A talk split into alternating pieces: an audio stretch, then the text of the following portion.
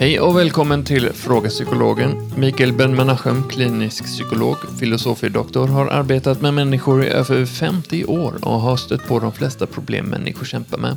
I denna podd besvarar Mikael lyssnarnas inskickade frågor. Ämnen han tacklar är allt hur man hanterar ångest, äktenskapsproblem och fobier och mycket, mycket mer. Själv heter jag Kalle och läser upp frågor för Mikael. Hej Mikael! Hello. Så det är en eh, orolig mamma som skriver in att hennes eller, tioåriga dotter eh, pratar väldigt vulgärt och eh, ovårdat hemma och är orolig över detta. vad har du för tankar över det? Ja, eh, det är ett intressant ämne. Jag har inte funderat så mycket över det. Men jag försöker vara lite psykologisk i sammanhanget. Och den första tanken som dyker upp eh, var barnet har lärt sig det språket. För att eh, vi lever inte i, i, i det tomma intet, utan vi lever i en familj. Och eh, den här kärnfamiljen ingår syskon, mamma, pappa. Och, men det finns ju deras eh, föräldrar, mormor, morfar, farmor, farfar. Och det finns ju mostrar och fastrar. Och, så man lever i en rätt så stor eh, sociologisk och psykologisk grupp. Och eh, när sånt här språk eh, uppkommer, eh, det är inte ovanligt tyvärr idag, men eh, man får framförallt titta på först eh, vad man använder för språk hemma. För att ibland eh, märker inte föräldrarna hur de själva pratar. Och framförallt när de eh, emotionellt uppsetsade. Och det beror också på hur, eh, hur de här eh, svordomar och, eh, och vulgärt språk uh, förekommer i ett samhälle eller samhällsgrupp. Jag har en kompis som kommer och som från ett annat land. Och när man pratar med honom på det språket så det skulle aldrig falla honom in att, att svära. Nej. Men han bor i det här samhället och eh, gift med svenska som eh, inte svär och eh, talar eh, ett eh, normalt språk, eh, vanligt svenskt språkbruk. Och eh, lever inte heller eh, eh direkt i en sådan miljö, situation som, som skulle motivera detta. Men så snart han vänder språket till svenska börjar han svära. Mm. Nu är det också så att eh, eh, religion sitter djupt hos en del svenskar. Eh, från eh, en gång i tiden där kyrkan eh, hade enorm makt. Läsbara Moberg eller eh, Fogelberg, Fågel, Fogelström och en del andra som berättar om Sverige 1800-talet, 1700-talet. Eh, så eh, prästernas makt var enormt. Och att svära var ju dödssynd. Eh, så att verkligen undvek att naturligtvis kyrkliga sammanhang men överhuvudtaget att använda fula ord. Och det lever fortfarande i en del människor. Och faktum är att svenska är inte så bra på, på, att, på uh, fula ord. Mm. Uh, det är väldigt få. Det finns ju språk som ungerska till exempel som kan svära hur, hur långt som helst. Och, men en enorm variationsrikedom när, när det gäller uh, vulgära ord. Så olika språk är väldigt olika när det gäller. Och då kan vi titta lite grann på varför. Varför använder man sådant språk?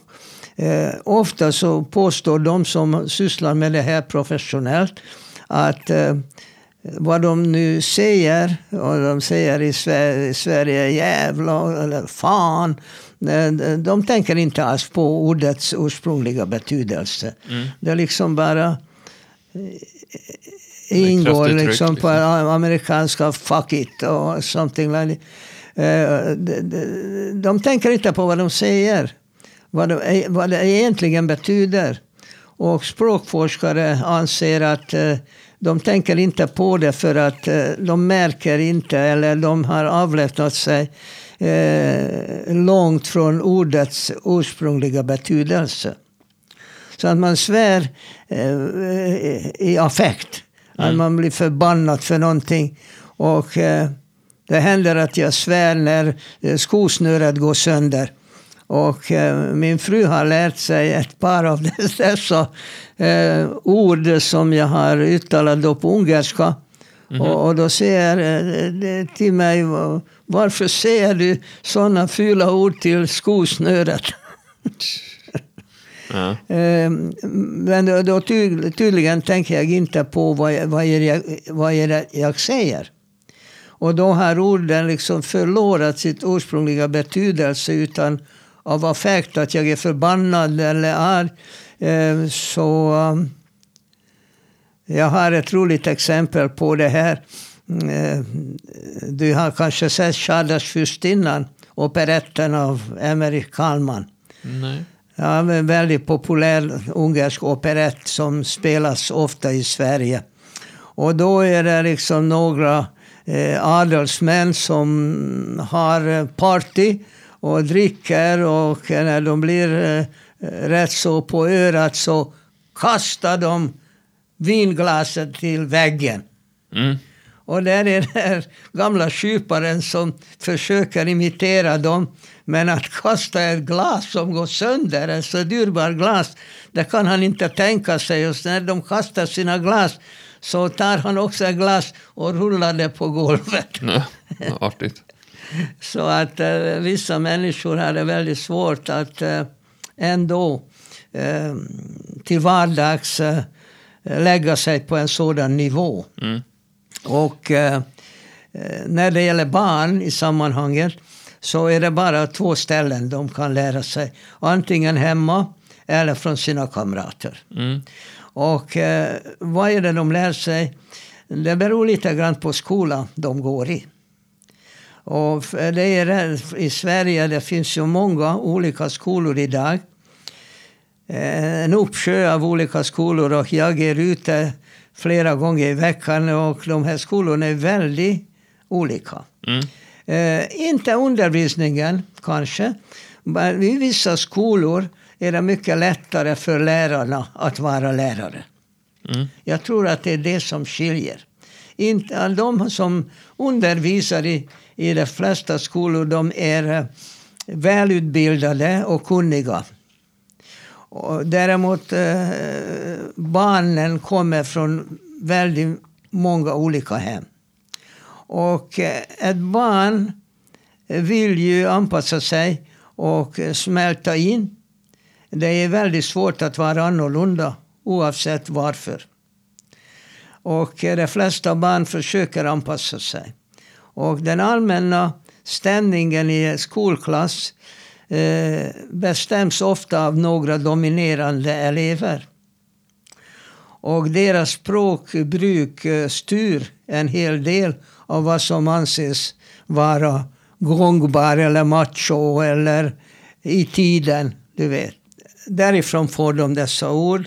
Och ofta är eh, skillnaden är mellan föräldrarnas uppfattning och i det här fallet mammans uppfattning eh, Eh, är att eh, och eh, vad barnen använder i skolan och framförallt flickor kan vara väldigt grymma. Och därför någon flicka som inte är van vid sådant språk och försöker hänga med. Precis som min kompis som, som försöker svära eh, när han talar svenska, men annars inte. För att han tror att han blir mera populär i vissa grupper i, i, i- i Sverige eh, om han svär. Mm. Eh, men det är fel. Eh, det är fel. Eh, för att eh, svära eh, gör man av, av Dels eh, vad är det för ord som är väldigt populära i ett samhälle. Det, det, det går inte att undvika. Att vi, vissa ord liksom bara säger. Mm. Eh, det liksom hör till eh, eh ordarsenalen så att säga. Mm, mm. Men eh, ändå så när man använder sådana här jävla och fan för ofta det beror på två saker. Dels eh, har man ett dåligt ordförråd eh, och inte kan uttrycka sig på ett bättre sätt. Eller så är det väldigt vanligt eh, att prata så i den gruppen som man antingen inom arbetet eller i fritiden umgås med. Ja. Och det är väldigt tydlig, tydliga skillnader. När jag, till jag spelade tennis i 40 år och eh, seglade ungefär lika länge. Och i dessa kretsar, seglarna eh, och tennisspelarna emellan, jag har väldigt sällan hört någon svära. Men det kunde vara andra grupper, eh, andra sporter, säger vi, där man svär och spottar i ett. Bara för att av någon anledning det har blivit populärt. Just där och just då. När jag hör om ett eh, 9-10-årigt barn som eh, har väldigt dåligt ordförråd och vulgärt och, och oförskämt så, med sitt språk så fick jag tänka på en eh, unge som en av mina barn, min pojke, umgicks med som var väldigt högljudd och svor väldigt mycket när han var hemma hos oss och eh, nästan olidligt. Eh, och eh, samtidigt var det en pojke som i hans hem så var han alla uttryck av uh, energisk pojkbeteende, eh, uh, hoppa i liksom, soffan eller du vet gapa och var, stängdes alltid ner av föräldrarna liksom. Sluta! Stilla! Du, du, du, liksom. Och pojkar har ju ett, en animus som måste komma ut. Uh, det är helt naturligt. Det är, liksom, det är den livskraften som gör att de tävlar, vill få saker gjorda, du vet den här liksom elden inom dem. Men han, den här pojken, kompisen, var hela tiden, den delen av honom var aldrig accepterad hemma. Men det kom ut genom munnen på honom istället. Ja, det är precis så som du säger. Jag läser just nu Peter Nadas, den största ungerska författaren just nu. Mm. En gammal vän till mig.